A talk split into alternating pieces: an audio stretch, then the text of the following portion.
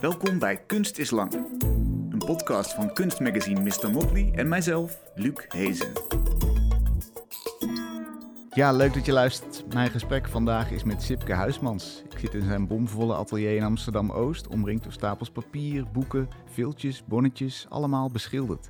Hij maakt al bijna zijn hele leven, Sipke is inmiddels 83, tekeningen, etsen, lito's en schilderijen, maar vooral aquarellen. Soms zijn die abstract, vriendelijk krioelende geometrische vormen en kleurvlakken, en soms zijn ze figuratief.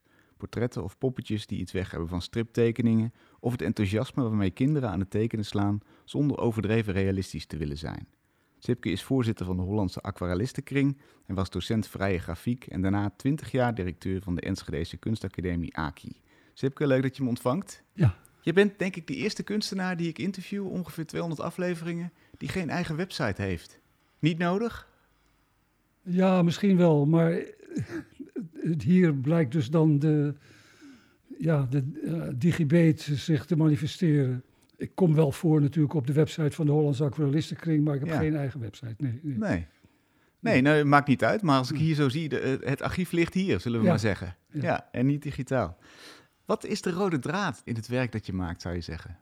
Ja, dat kunst er eigenlijk is eh, niet tot meerdere glorie van eh, de, de, maker, maar dat hij eigenlijk iets eh, in de wereld zou moeten doen. Dat, dat mensen die er naar kijken of die er eh, van genieten, als je denkt aan publiek bij een, een concert van kamermuziek, dat dat publiek daar dan niet passief zit eh, met de gedachte, eh, nou, eh, ik word vermaakt, maar dat dat zich daarbij betrokken voelt bij wat er door die kunstenaars geprobeerd wordt. Dus dat is voor mij wel een, ja, je zou bijna kunnen zeggen, levensbeschouwelijk aspect van de rol en de functie van een, een kunstenaar. Hoe krijg je dat voor elkaar binnen één werk? Laten we eens dit werk hier bijvoorbeeld nemen, hoewel het nog niet af is misschien. Is, niet, is, dat, een- is dat een goed voorbeeld om te nemen? Jawel, ja, ja. Ja. Dus we, dus we zien een soort... Ja, ik heb eigenlijk eh, in dat werk heel vaak de behoefte gehad om eh, dingen te gebruiken die al in mensen hun collectieve geheugen zitten, die dus een, een herkenning eh, mogelijkerwijs tevoorschijn roepen, waarbij je eh, als beschouwer denkt van, goh, wat zou dat, eh, in, in wat voor context zou hij dat nou hebben willen laten zien? Wa- Wat voor betekenis kan ik daar nu zelf aan geven? Ja, Dus in dit geval is dat dan een aantal scènes van, eh, die ik eh, gekopieerd heb of nagetekend heb van eh, de illustratrice Rie Kramer uit een boek, een Nederlandse vertaling van Pinocchio. En daar, nou ja, er zijn dan verschillende scènes waarin die figuur, wat natuurlijk niet alleen maar een, een, een figuur uit een kinderboek maar is, maar op een gegeven moment ook een soort van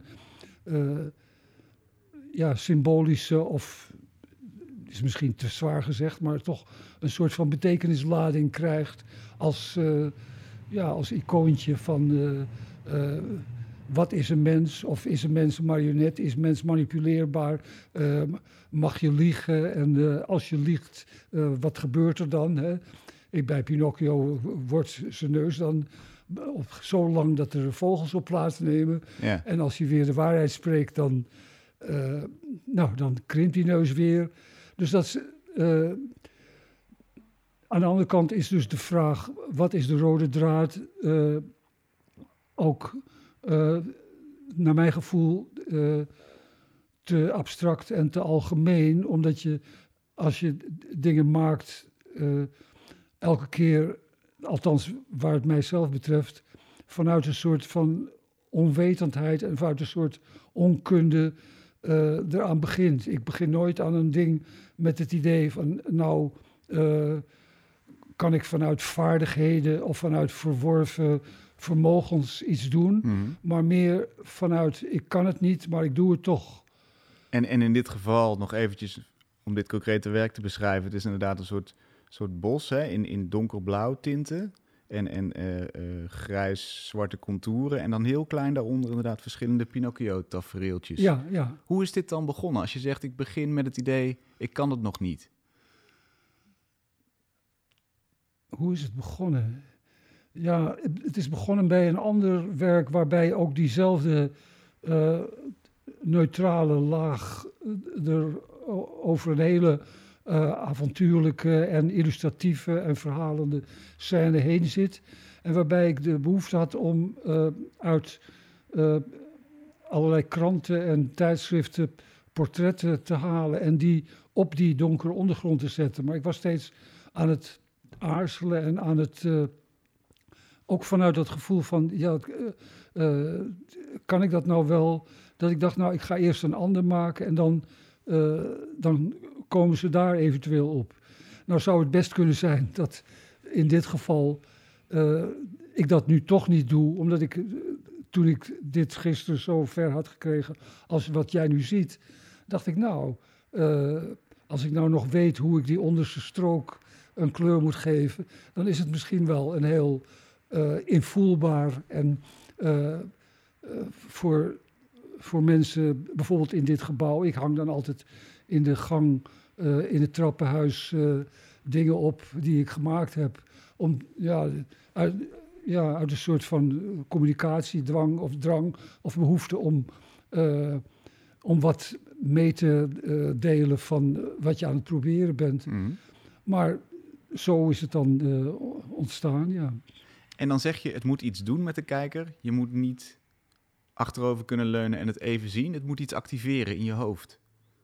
Ja, dat, dat- is volgens mij wel eh, wat eh, de eh, betekenis van, van kunst in het algemeen is. Hè? Je kijkt naar een schilderij van Vermeer en je, je, eigenlijk kan je natuurlijk blijven staan bij de afbeelding, het verhaal, het plaatje. Maar op een gegeven moment ben je eigenlijk, om het nou een beetje zwaar of wat quasi-juridisch zeggen. Op een gegeven moment ben je eigenlijk medeplichtig aan dat schilderij. Je staat op een bepaalde afstand. Je zou je kunnen voorstellen dat de kunstenaar, hè, die onafvolgbare, in dit geval Vermeer van dit voorbeeld, eh, daar ook op die afstand heeft gestaan. En dan ga je, althans zo gaat het bij mij, dan kan er eigenlijk bijna de tijd opgeheven worden. Als je dan je gaat voorstellen van ja, maar hoe kan dat nou? Hoe heeft hij dat nou gedaan? Hoe Mhm. heeft hij dat nou gemaakt? Ik heb daar een eh, onvergetelijke herinnering aan dat ik als eh dwars jongetje een eh, aversie had opgedaan tegen Van Gogh. En dat was dus achteraf best te verklaren, want die Van Gogh, die werd zoals Duitse kinderen Goethe door de strot wordt geduwd, die, die werd je dus op de lagere school al eh, helemaal eh, tegengemaakt. Van ja, Van Gogh, dit en dat en zo. Ik dacht, nou, die Van Gogh, die kan het me doen. Maar op, in de tijd dat ik een jaar of 18, 19 was, eh, was ik dan s'avonds in het filmmuseum. In dat was toen gewoon in het Stedelijk Museum zelf, in de aula. En dan in de pauze van die voorstellingen kon je gewoon het museum in. Achteraf gezien denk ik dat was volstrekt onverantwoord. Maar toen stond ik ineens oog in oog met een klein schilderijtje van Van Gogh. Van de tuin van, in de, van dat gesticht. Een klein vierkant schilderijtje. Nou ja, dat zal ik echt nooit meer vergeten. Dat je dus ineens ziet dat hij direct uit de tube daar die, eh, zonder kwast te gebruiken, die bloemen en die, die grassen erop heeft, heeft gedaan. En Mhm. dat je dus zo'n lijfelijke, maar tegelijkertijd toch ook eh, spirituele ervaring, dat je echt als, als heel mens, als lichaam, ziel en geest daarbij betrokken bent. En dat je daar dan eh, ja, zelf eh, deel aan hebt. Dus dat je ook wel natuurlijk de, de, de maker daarvan dan dankbaar bent en bewondert, maar dat het eigenlijk toch eh, nog dieper gaan, nog wezenlijker iets is dat zich in je eigen bewustzijn en een, een verhevigd bewustzijn afspeelt. Hmm. En, en dat zich innestelt en, en iets bij jou doet. Ga je Ja. dan zover om te zeggen, de kijker maakt het kunstwerk af? De kunstenaar doet, doet een voorzet en de kijker maakt het af? Ja, bijna wel. Ja, ja dat, dat, dat, dat dus dat kunstwerk elke keer weer eh, te- tevoorschijn komt in het eh, eh, bewustzijn van de kunstenaar. Dat is dan, tussen haakjes gezegd, ik weet niet of we op dat onderwerp verder moeten gaan, iets waardoor ik een, een soort eh, wantrouwen, om niet te zeggen aversie, heb eh, opgelopen tegen conceptuele kunst omdat ik denk, ja, dat kan niet mislukken. Hè? Als je daarvan, daar is dus het afmaken van het kunstwerk in de toelichting en in de foto die erbij is eh, aan de orde gesteld van, oh, ja, nee, dat is het dan. En ik zou me kunnen voorstellen dat dat voor kunsthistorici die op een gegeven moment genoeg hadden van het ware, het schone en het goede, een, eh, een uitkomst was. Maar ik vind dat vaak wat, wat makkelijk. Hmm. Dus dan denk je nou, eh, ga maar wat maken. Hè? Laat het maar mislukken. En eh, kijk door de mislukking heen. eh, ja, wat er dan nog van terecht komt. Is dan de balans bij conceptuele kunst te ver doorgeslagen, vind je, naar de kijker? Het soort bouwpakket en, en maak het als kijker maar af? Ja, ja. En bij figuratie is dat minder. Dat, daar is het al veel meer ingevuld. Dus dan moet je meer Ja, risico ja, nemen als ja. maker. Nou ja, dit naar aanleiding van jouw vraag van maakt de, de beschouwer het werk af? Ik denk dat eh, dat, dat eigenlijk eh, wel, ja, maakt het af is, is natuurlijk eigenlijk een beetje een abstracte term, maar dat dat, dat wel een, eh, een essentie van, van kunstbeleving is. Vandaar net mijn voorbeeld van mensen die naar muziek luisteren en die dan eh, daar niet alleen maar eh, als consument en niet alleen maar passief in zitten, maar die daar echt eh, zich door aangesproken en, en ja, daar medeplichtig aan zijn. Ja. Neem je risico als kunstenaar als je figuratief werkt? Kan het inderdaad mislukken in de zin van je stopt er heel veel energie in en je, je weet niet waar het, waar het naartoe gaat? Het is, het is al zo ingevuld. Ja, ja. Ja, ik heb, eh, eh, dat is voor mij wel een, eh, een, of dat nou rode draad genoemd moet worden, weet ik niet, maar wel een soort van leidmotief geweest. Heel lang geleden had ik werk ingestuurd voor de gemeenteaankoop en dat was niet gekocht, niets gekocht. En toen hebben een vriend van mij en ik een brief geschreven aan de, de toenmalige directeur van het Stedelijk Museum, Willem Sandberg. En eh, hij was wel zo menselijk en zo professioneel dat hij zei, nou, kom maar langs. En toen dacht ik, ja, dan kom ik langs en dan zit ik met hem te praten en dan is het weer klaar. En dan is het gewoon voorbij. Ik had toen een schrift, een, gewoon schrift van Winter, helemaal vol getekend op allebei de kanten van de bladzijde met een heleboel tekeningen en eh, aquarellen, althans allemaal met Oost-Indische inkt. Eh, eh, en, het, en toen heb ik, dat, dat schrift was natuurlijk losbladig geworden, doordat ik dat, en toen heb ik een ander schrift genomen en dat heb ik in de schrijfmachine gedaan. En toen heb ik een, een tekst geschreven, waarvan ik later een beetje de hoogdravende titel op het eh, etiket heb geschreven. Daar staat namelijk eh, poging tot een verklaring van de bestaansreden van de aan uw vermoeide ogen aangeboden esthetiek in dit schrift. En dat is een, een tekst, een beetje hoogdravende tekst geworden, waarbij ik eerst een, een aanhef maakte en toen eh, eigenlijk in essentie eh, een pleidooi hield voor de mislukking, voor de nederlaag, voor dat de dingen anders gaan dan je eigenlijk zou willen. En dat dat juist het menselijke is. En dat kreeg toen, sociaal gezien en artistiek gezien, een, eh, een hele eh, anekdotische eh, lading. Want toen liet ik dat schrift met die, al die, het waren wel veertig, nou laten we zeggen op schoolschriftformaat gemaakte tekeningen. Eh, eentje heette De Triomf van het Manierisme. En eh, daar staat er dus dan een ander schrift met die tekst erin, ertussendoor, waarbij ik alle, ook allerlei schrijvers waar ik toen mee bezig was had aangehaald. En eh, toen, een paar dagen later, werd er gebeld door Ad Petersen. Geweldige man heb ik later leren kennen. Die was toen conservator van het Stedelijk Museum. En die zei, ja, dat schrift heeft u achtergelaten. We willen het wel kopen. Dus dat was natuurlijk even een, een triomfmoment, want we hadden geen cent te makken. Dus toen zei hij, wat moet het kosten? Toen zei ik, nou, duizend gulden. En, uh, en toen weer twee dagen later belde hij op. En toen zei hij, we vinden het te duur. Dus daar zat ik met mijn mislukking. Maar ik had die duizend gulden natuurlijk al, al drie keer uitgegeven in gedachten. Oh, ja, ja. Dus toen heb ik mijn rug niet recht gehouden. En heb ik gezegd, nou, 700 gulden, kan dat dan wel? Nou ja, dat kon dan wel. Ik moet het altijd nog een keer gaan bekijken. Het, het ligt in het depot van het Stedelijk Museum in, uh, uh, in Sloterdijk.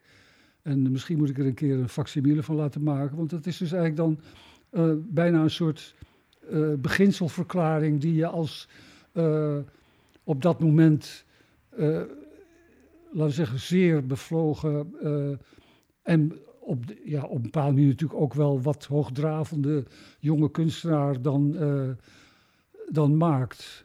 Maar die is eigenlijk wel geldig gebleven de rest van je leven? De mislukking? Ja, ja dat is inderdaad wel een, iets dat, dat voor mij een, uh, ja, ach nou ja, jij gebruikt het woord rode draad, een, soort rode draad is in het leven, dat, het dan, dat de dingen dan anders gaan.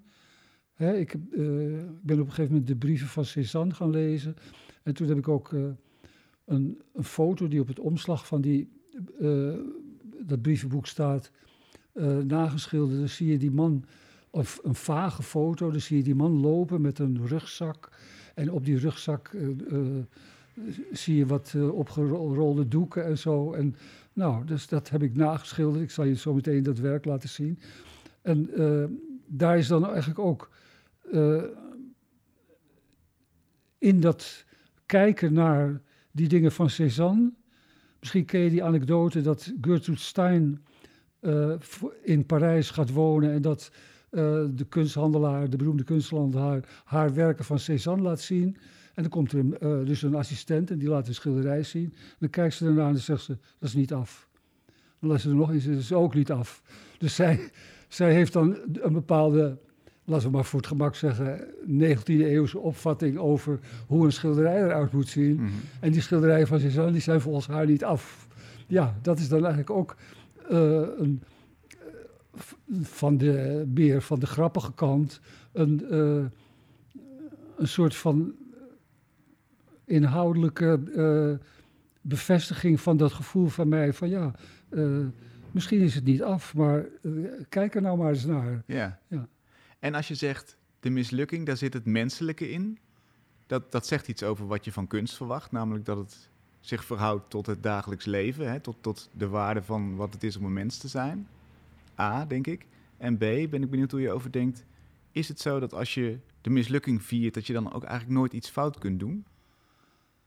Nee, dat niet. Maar wel dat, dat dus uh, mensen, dat dus de. Uh, dat je eigenlijk. Uh, als mens uh, voorzichtig moet zijn met het leven en voorzichtig moet zijn met, met andere mensen. Dat, je, dat dus, hè, dus die, die, die mensen die dan uh, vanuit uh, de wijsheid in pacht hebben of vanuit een soort van hoogmoed. Ik bedoel, we zitten nu natuurlijk in een ontzettend griezelige situatie met, met dat er dan één persoon is die, die in een soort van uh, ja, nou, laten we zeggen, uh, hoogmoedswaan denkt van nou, ik, ik kan, kan me van alles veroorloven. Dat is mm. het absolute tegenovergestelde van, ja. van menselijkheid. Hè? Dus, ja. dan, dus eigenlijk, uh, eigenlijk is dat een, nou, laten we zeggen, een soort van religieus besef ten opzichte van de, de waarde van het leven en van de uh, omgang van mensen met elkaar. Dat het kwetsbaar is en dat bescheidenheid gepast is. Ja, ja. En dat is dus ook in kunst zo? Ja, volgens mij wel, ja. Ja, ik heb eigenlijk wat kunst betreft nog altijd, ondanks mijn gevorderde leeftijd, nogal uh, infantiele opvattingen. Dus dat je ergens naar kijkt en dat je probeert te zien wat er geprobeerd is en wat, de, wat het wil, had willen worden. En dat ik dan eigenlijk als een, een van de beoordelingscriteria die ik er zelf op loslaat heb, krijg ik zin om zelf ook iets te maken? Of, oh of denk ik van nou, het is knap, maar dit, uh, dit stoot me wat betreft zijn volmaaktheid een, een beetje af. Hè, dus uh, ik heb dat wel gehad met, met werken van Engre. Dat ik dan soms dacht van nou, het is verbluffend, maar... Nu heb ik later daar, dat zal ik je straks laten zien, van een van zijn odalisken ook een, een ets gemaakt. Om dat dan weer voor mezelf op een op een ander plan te brengen. Maar dus dat, ja, dat geldt ook wel voor uh, het kijken naar kunst in het algemeen. Dat, dat, dat, je, ja, dat je voorzichtig uh, probeert te zijn in, uh, in het beoordelen ervan. Hmm. Ja. En dan is het dus eigenlijk een te perfect kunstwerk is een soort buitenstaander. Die plaatst zichzelf buiten de groep. Die wil geen communicatie met, met de rest eigenlijk. Ja, een, een soort van, uh, van machtsvertoon. Yes. Uh, het, uh, het Damien Hirst of, of ja, het principe hè, van nou, de, het moet zo zo'n... ja, verbluffend zijn of overdonderend. Ja, ja het moet zo'n ongelofelijke stortvloed van techniek en vaardigheid en, en uh, ambachtelijke inzet zijn, dat je, dat je alleen maar O en A roept en zo. Dat, dat is dan voor mijn gevoel, uh, nou ja, niet waar kunst eigenlijk voor is. Dat is uh, ja. En het gaat dus wel in zekere zin ook om communicatie op een menselijke manier via die kunst. Je, je zei net, ik wil kunnen zien wat er gepoogd wordt. Ja, en, en daar ook een oordeel over vellen. Dus het is een manier om te communiceren. Ja, ja. En als, als dat zo is, wat is dan jouw communicatiewens nu nog als je dit soort werken maakt? Wat, wat voor communicatie hoop je dan? Nou, ik hoop op uh, uh,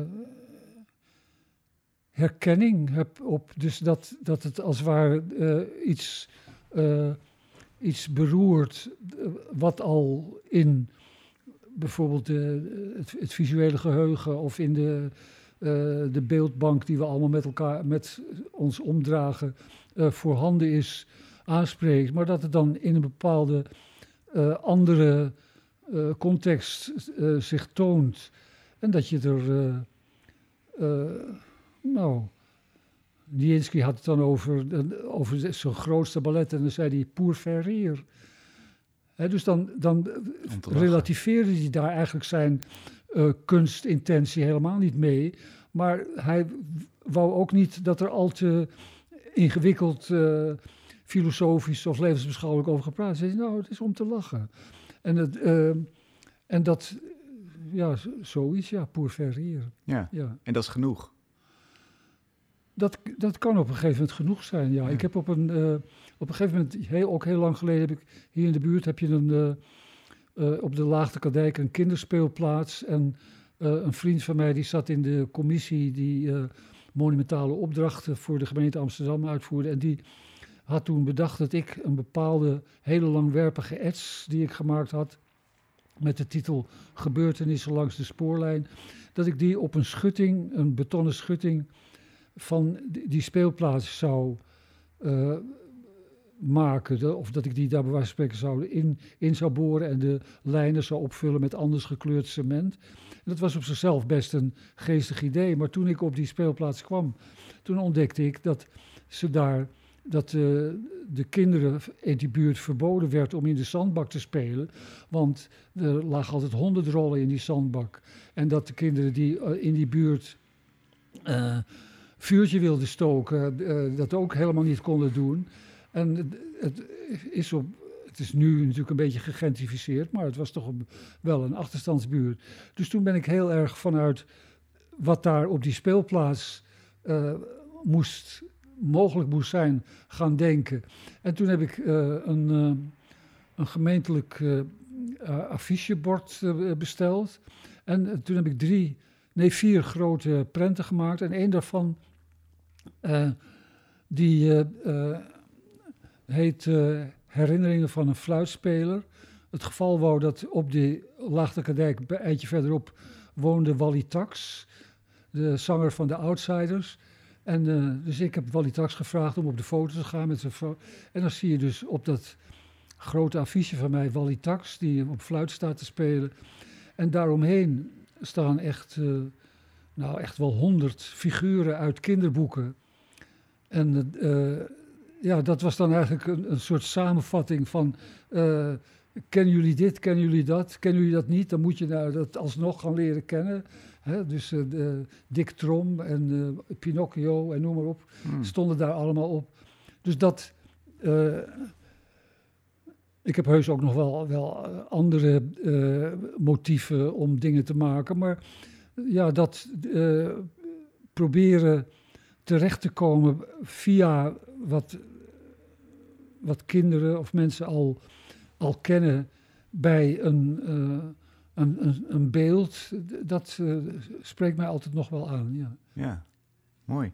Laten we ook nog even naar je tijd van de AKI gaan, de academie in, uh, in Enschede. Je was docent en daarna twintig jaar directeur van die academie. Het lijkt me eigenlijk voor de hand liggend, maar dit, dit, dit, deze kunstopvatting zat ook in het onderwijs toen, neem ik aan. Wat, wat, wat is goed onderwijs? Heb je daar een idee over? Ja, zeker. Ja.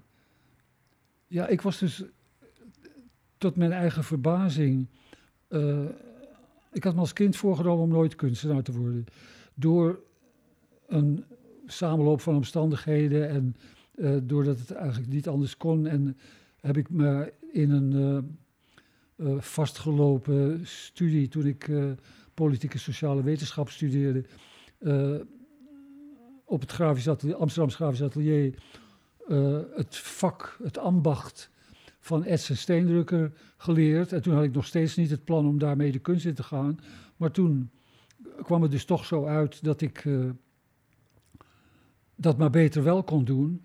En toen had dat werk ineens uh, absurd veel succes. we stuurden allemaal in voor de gemeenteaankopen.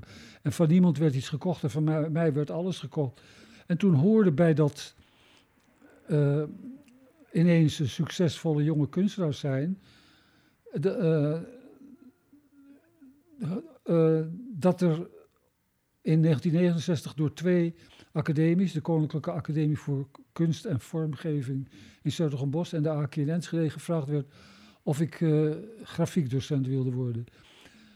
En toen ik dat ongeveer drie kwart jaar gedaan had. Toen, ik heb dat ook aan Alex verteld in dat interview, toen we hier zaten te praten over het kunstonderwijs. lezen, toen kwam er een moment dat ik ineens mezelf zag lopen en dat ik ineens begreep dat ik er helemaal geen, geen bal van begrepen had. Dat ik daar als een soort pedante kwal, als een soort kunstenaar die dan eens in de week komt vertellen wat die kinderen allemaal fout doen.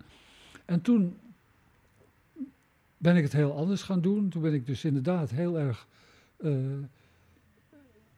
ja, empathisch heel erg vanuit wat, wat is er voorhanden in uh, deze jonge jongens en meisjes uh, gaan, gaan denken. En ik uh, hield me er heel erg mee bezig.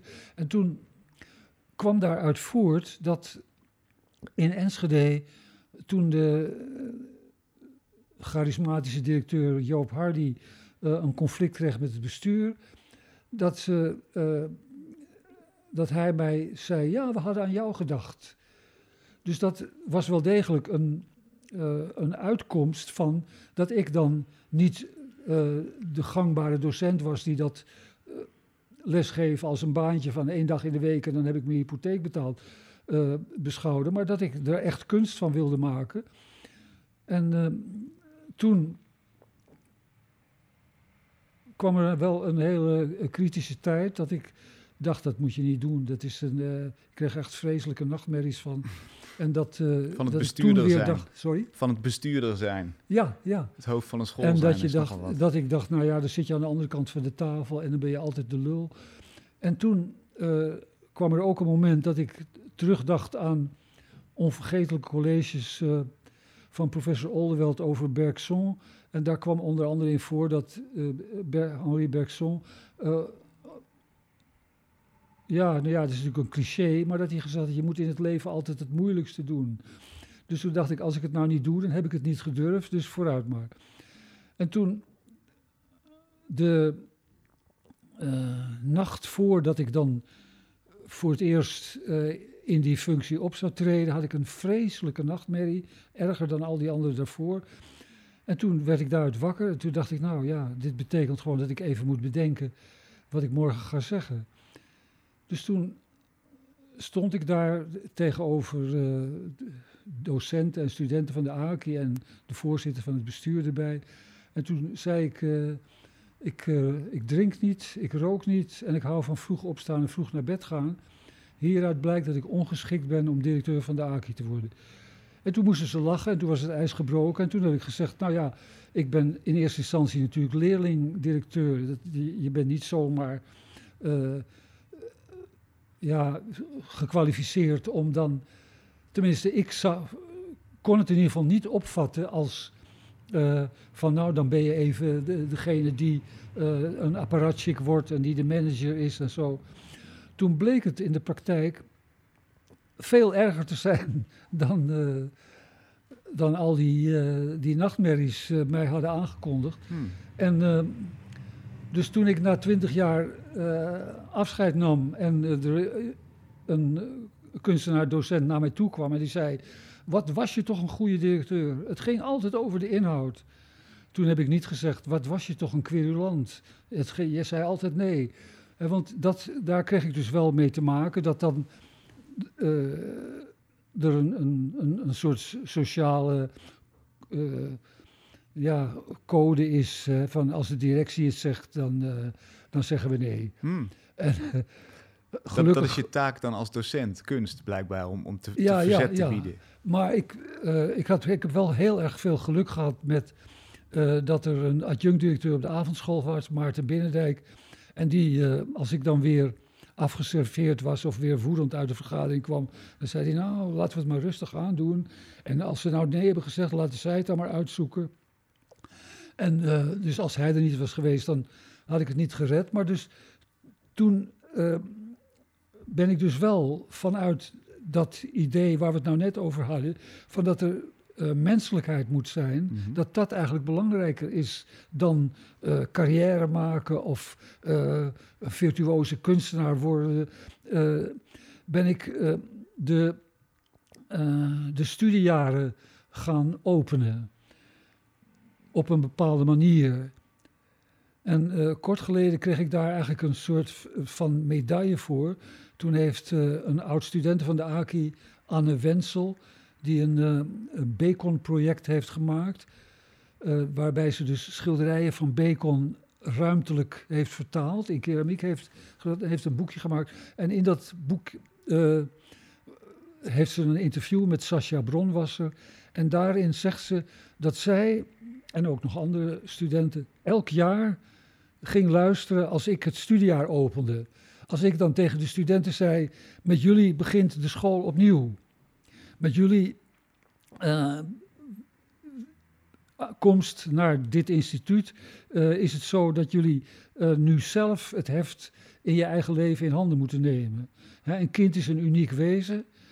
Het, het is onvergelijkbaar met wie dan ook, maar een kind moet wel gesocialiseerd worden. Het moet wel zindelijk worden, het moet leren lezen en schrijven, het moet met twee woorden spreken, met mm mes en vork eten, het moet uh, de, de, grammatica leren. En al die dingen die zijn allemaal vanuit een programma. He, maar dan zei ik, nou, nu zijn jullie 19, 20 jaar, nu zijn jullie op deze school terechtgekomen. Dat was natuurlijk ook wel in overeenstemming met een bepaalde andersomme didactiek die op de AKI nagestreefd werd.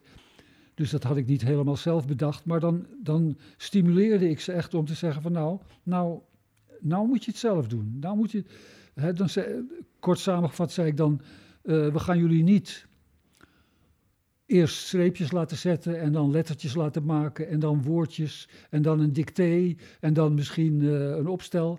Zeggen we willen dat jullie meteen een gedicht maken.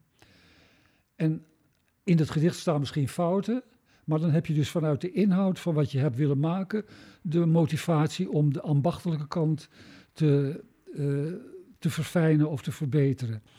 En dat, zo vat ik het nu samen, in uh, de herinnering van Anne Wensel zou ik gezegd hebben: jullie moeten gaan spelen als kinderen.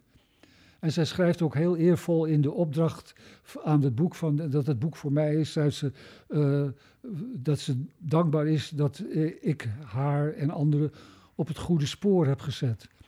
En daar ben ik zelf ook wel heel erg van uh, doortrokken geweest. Dat ik dus vond, dat moet niet een ja, een, een, een, gangbare vakopleiding zijn. Er is al zoveel. Ik heb ook op de Rijksacademie gewerkt, ik heb ook op de Academie in Den Bosch gewerkt.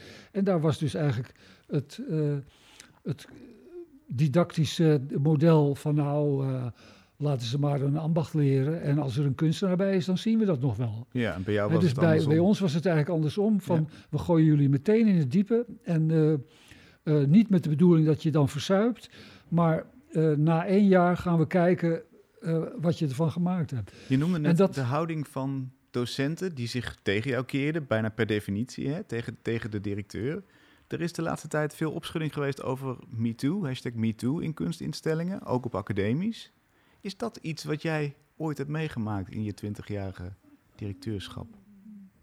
Nou, MeToo niet echt direct, maar wel uh, dat ik me vaak... Uh, heel ongelukkig heb gevoeld. En ik heb daar de laatste tijd ook weer meer over nagedacht dan daarvoor. Misschien wel, uh, ja, laten we zeggen, geïnspireerd door dat, dat hele uh, MeToo en, en grensoverschrijdend gedrag mm -hmm. gebeuren.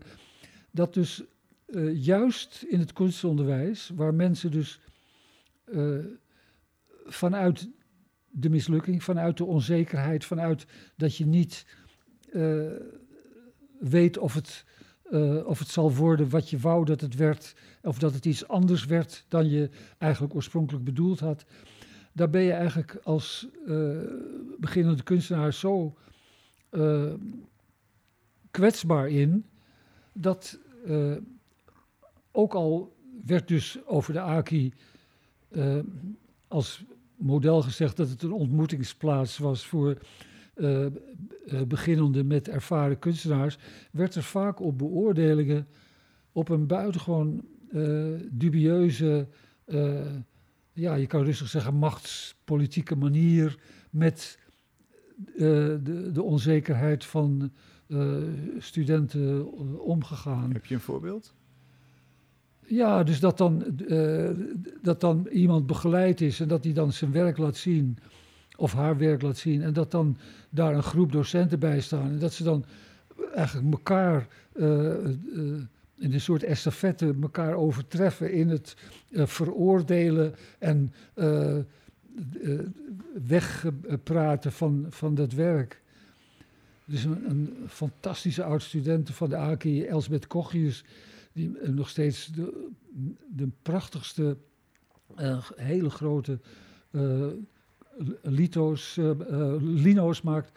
En ik herinner me op haar eindexamen was een, een mededocent van mij, ze, studeerde ook bij mij af, die zag nog kans om op het, de dag van afstuderen haar aan het huilen te maken door iets heel naars over dat werk te zeggen. Kijk, er is altijd natuurlijk wel wat op aan te merken. He, dus uh, uh, voor Gertrude Stein waren die schilderijen van Cézanne niet af. Maar dus, uh, ja, je kan je ook vanuit je positie van degene die een gearriveerde kunstenaar is en die, die zelf een zekere reputatie heeft, kan je ook ja, iets voelen van ja, een, een, soort van onbewuste machtsuitoefening. Hmm. Ik heb een keer in de Koninklijke Academie in Den Haag uh, meegedaan aan een symposium over wat de ideale academie was. En toen uh, was in het forum dat daar dus uh, gesprekken over voerde, of dat daar een, een samenvatting van gaf, ook Karel Blotkamp.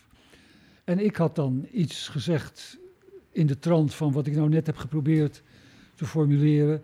eh, hè, over het eh, eh, kijken wat er goed is en dan proberen wat goed is te verbeteren en mensen te, als een soort vroedvrouw, mensen tevoorschijn te krijgen in hun, in hun eigenheid, in hun individuatie, zoals Jung dat noemt. Mhm. En toen was er op een gegeven moment daarna de lunch in een directiekamer. Die trouwens een heel klein schetsje van Picasso heel erg uitvergroot als wanddecoratie had.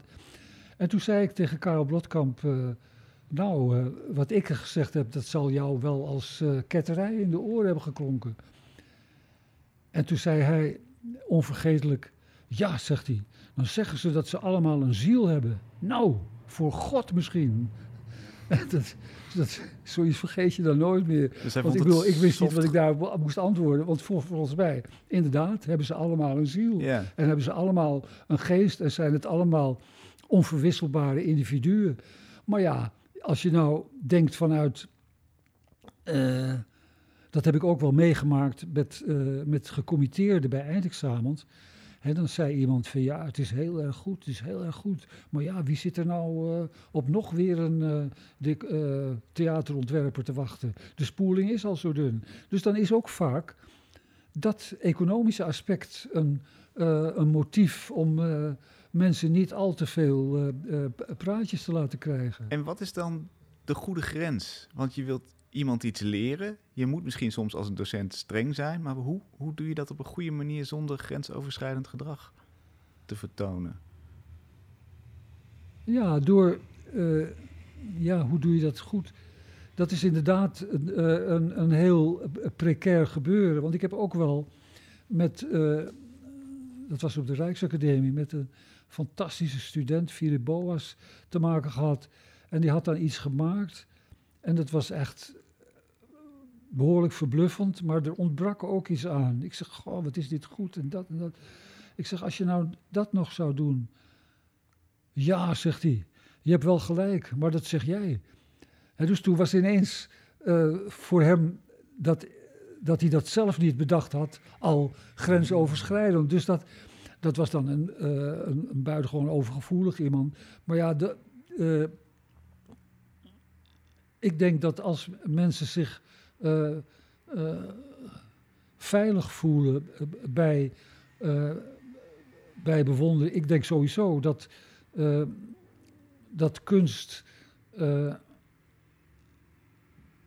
nadat het bewonderd is, pas eh, eh, ten volle begrepen kan worden. Ik heb eens een keer een, eh, eh, toen mijn fantastische vriend Hans Logger, die toen direct, eh, hoogleraar kunstgeschiedenis was en later directeur van het gemeentemuseum, dat nu helaas Kunstmuseum heet. En eh, eh, die kwam naar de Aken in Enschede en die heeft toen een ongelooflijk moeilijk boek van Roland Barthes, La Chambre Claire, ken je dat? Mhm. over fotografie. Nou, dat is geen lichte kost. Maar toen heeft hij toch kans gezien om die eh, dyslectische en soms toch lichtelijk analfabete studenten van ons de essentie van Roland Barthes eh, uit te leggen. En eh, toen zei hij, nou moet jij ook eh, naar eh, Groningen komen. Nou, dus ik naar Groningen. En er was een hele mooie amfitheatersgewijze collegezaal. En eh, daar eh, heb ik toen eh, vanuit dat, eh, ja, je kan zeggen primitieve of infantiele, of in ieder geval eh, niet intellectualistische principe van na bewondering kun je dichterbij komen eh, bij wat de essentie van een kunstwerk is. Over eh, Charlie Parker en over Nijinsky en over nog andere eh, dichters en schrijvers en, en beeldende kunstenaars gesproken. En toen, dus vanuit mezelf eh, verteld, dus niet vanuit een, een voor, eh, eerst geschreven tekst, maar gewoon vrij gesproken. Ik vind dat dat wel een essentie is. En dat leidde ertoe dat er toen een, een ovationeel applaus kwam vanuit die zaal na twee uur. En dat, eh, eh, dat mij het zweet op de rug stond. En ik denk, wat heb ik nou allemaal gedaan? En toen stond er een man op. En eh, ja, die wou een vraag stellen. maar dat was helemaal geen vraag. Die zei: Ik voel mij bedreigd in mijn subjectiviteit. Dus, dus, dus ik, ik, dat zweet op mijn rug werd toen koud. En toen, uh, toen zei hij: Ja, ik kan natuurlijk ook wel uh, allerlei uh, dingen gaan vertellen. Wat, waar je bewondering voor voelt. Maar wat hebben we daaraan? En er kwam nog een andere vraag die ik nu even oversla. En Hans Logger die vond het wel, wel genoeg. En die zei nou, ik sluit hierbij de discussie. Nu wou het geval dat, dat is in Groningen aan de overkant was zijn kamer. Dus toen liepen wij weer over die straat terug. Toen kwam er nog een, een tamelijk mooie jonge student in een rood pakje naar mij toe en die uh, greep mij bij mijn arm en die zei: Meneer, wat was dat mooi. Dus wat dat betreft had ik die studenten wel bereikt. Mm. Ik vertel het nou omdat uh, dat zo'n uh, betekenisvol staartje kreeg. Een week later was ik bij Paul Andriessen die, bij een opening die toen nog zijn galerie op de Prinsengracht had. En toen kwam er een man naar me toe en die breed lachend en zo. Hij zegt: ik was onder uw gehoor vorige week in Groningen. Dus ik keek hem eens aan. Zo, ik, nou, ik herkende hem niet. Ik zeg, was jij dat die bedreigd was in zijn subjectiviteit? Ja, zegt hij, toen moest hij helemaal lachen. Hij zegt, u moet namelijk weten dat waar u voor pleitte, dat proberen wij bij die studenten eruit te rammen. Dus, nou ja, uh, ik weet niet wat jouw ervaringen met kunstgeschiedenis zijn, maar ik heb later ook een studenten gehad op de Rijksacademie die tegelijkertijd uh, kunstgeschiedenis en uh, grafiek op de, op de faculteit grafiek, waar ik toen uh, hoogleraar ben, zelfs ben geworden, deed. En die was echt heel erg ongelukkig. Die zei nou, ze proberen daar eerst je armen en je benen te breken hmm. en dan kijken of je nog kan lopen. En die had dus allerlei voorbeelden die haar vanuit, ze was dan een oud studente van de AKI en ze had dan dus dat klimaat daar ten opzichte van kunst en, en, kunstbeschouwing en kunstgeschiedenis meegemaakt. En uh, dat had ze helemaal niet verwacht. Dus dat is dus, het, het, drillen van iemand, het, het, repertoire erin stampen, aan regels laten voldoen dat, dat, dat kan dus grensoverschrijdend gedrag zijn eigenlijk, als je dat doet vanuit nou een soort... Ja, dat is nou niet... Ik bedoel, ik heb, wie, wie ben ik om de uh, methodiek en de, uh, de propenduizen van, uh, van kunstgeschiedenis aan de universiteit te beoordelen. Maar het was voor mij wel een, ja, iets ja, iets heel. Dat, dat, er, dat proberen zij eruit te rammen. Dat ik dacht, ja, wat is dan eigenlijk nog je. Is dat dan de wetenschappelijke rechtvaardiging van. Laten we zeggen, uni, op een universitair niveau omgaan met kunst. Hmm. Of dat grensoverschrijdend moet zijn, moet heten, dat weet ik eigenlijk niet. Kijk, ik heb wel uh, dat is nu natuurlijk een, een term die nog een hele andere lading heeft gekregen door die oorlog daar, met dat grensoverschrijdende. Dat, dat heeft mij wel, wel pijn gedaan. Ik heb daar wel dingen bij meegemaakt, ook op de AKI en ook op andere academies. En Alex had daar ook voorbeelden van, dat hij zei, ja, dat dat is gewoon machtsuitoefening. Dat is ook machtsmisbruik van, van mensen die in die posities zijn. Van ik ben de gediplomeerde, ik ben de, de professional en ik kan jou zeggen dat wat jij doet helemaal niks waard is. Terwijl, ja, het hoeven niet allemaal genieën te zijn. Het hoeft heus niet allemaal succes te hebben. Maar uh, als, zoals dan in dit geval Anne Wensel, maar ook tientallen andere studenten die ik door de jaren heen die ik nog steeds ken en die, met wie ik contact heb, die dan zeggen, nou, wat je toen zei, uh, dat heeft veel voor mij betekend. Dan is het, Jonica Aalders die zei, ja, ik was eigenlijk bij toeval uh, op de AKI terechtgekomen, want jullie hadden heel laat nog een eindexamen. Maar, zegt ze, toen ik een eerste keer een toespraak van jou hoorde, toen had ze gedacht, nou, ik ben op de school van mijn leven terechtgekomen. Omdat je, dat ze daar dus gevraagd werd om met hun hele hebben en houden uh, tevoorschijn te komen. En, en, en inderdaad, dan haal je iets uit mensen, dan laat je mensen worden wie ze zijn of welke potentie ze hebben, ja. zonder dat je ze afstraft of, of Ja, in een keurslijf ja. dwingt. Dat is de essentie eigenlijk. En, en, en, En, dit eigenlijk is toch ook didactisch wel degelijk gebleken dat, dat het, eh, de, een didactiek van eh, stimuleren en van zeggen wat er goed aan is, veel productiever en veel effectiever is dan een, eh een afkraakmethode. van Ja. nou, eh, jij snapt er niks van en eh, je zult er ook nooit iets van snappen. En als les voor grensoverschrijdend gedrag is dus ook... wees je bewust van hoeveel invloed je hebt op zo'n student... hoe de machtsverhouding is. En dat elk woord wat je zegt hard kan aankomen of iets kan vernietigen. Ja, ja, Laat staan Ja. natuurlijk, eh, als je het hebt over seksuele relaties. Dat is natuurlijk Ja. helemaal buiten kijf. Maar ja, het is natuurlijk een, eh, ja, een, een, een, manier van, van eh, proberen te, eh, te benaderen van wat het eigenlijk is om, eh, om een mens te zijn. Hè? Dat dat eigenlijk iets wat nog is, wat nog in ontwikkeling is. Met name dan waar het, waar het kunst en kunstbeoefening betreft. Hmm. En daar zijn ook geen harde wetten voor. Je kunt niet zeggen, je moet als persoon dit en dit zijn, dan ben je een geslaagd mens. Dus, dat kan nee, het, dus dan nee, kan dat in nee, dat is inderdaad ook. niet iets dat eh, eh, van tevoren vast ligt. Dat is meer dat is iets dat, dat eh, tevoorschijn komt. Hè? Zoals, ja, dat is eigenlijk ook wat mij zo blijft fascineren aan jazzmuziek.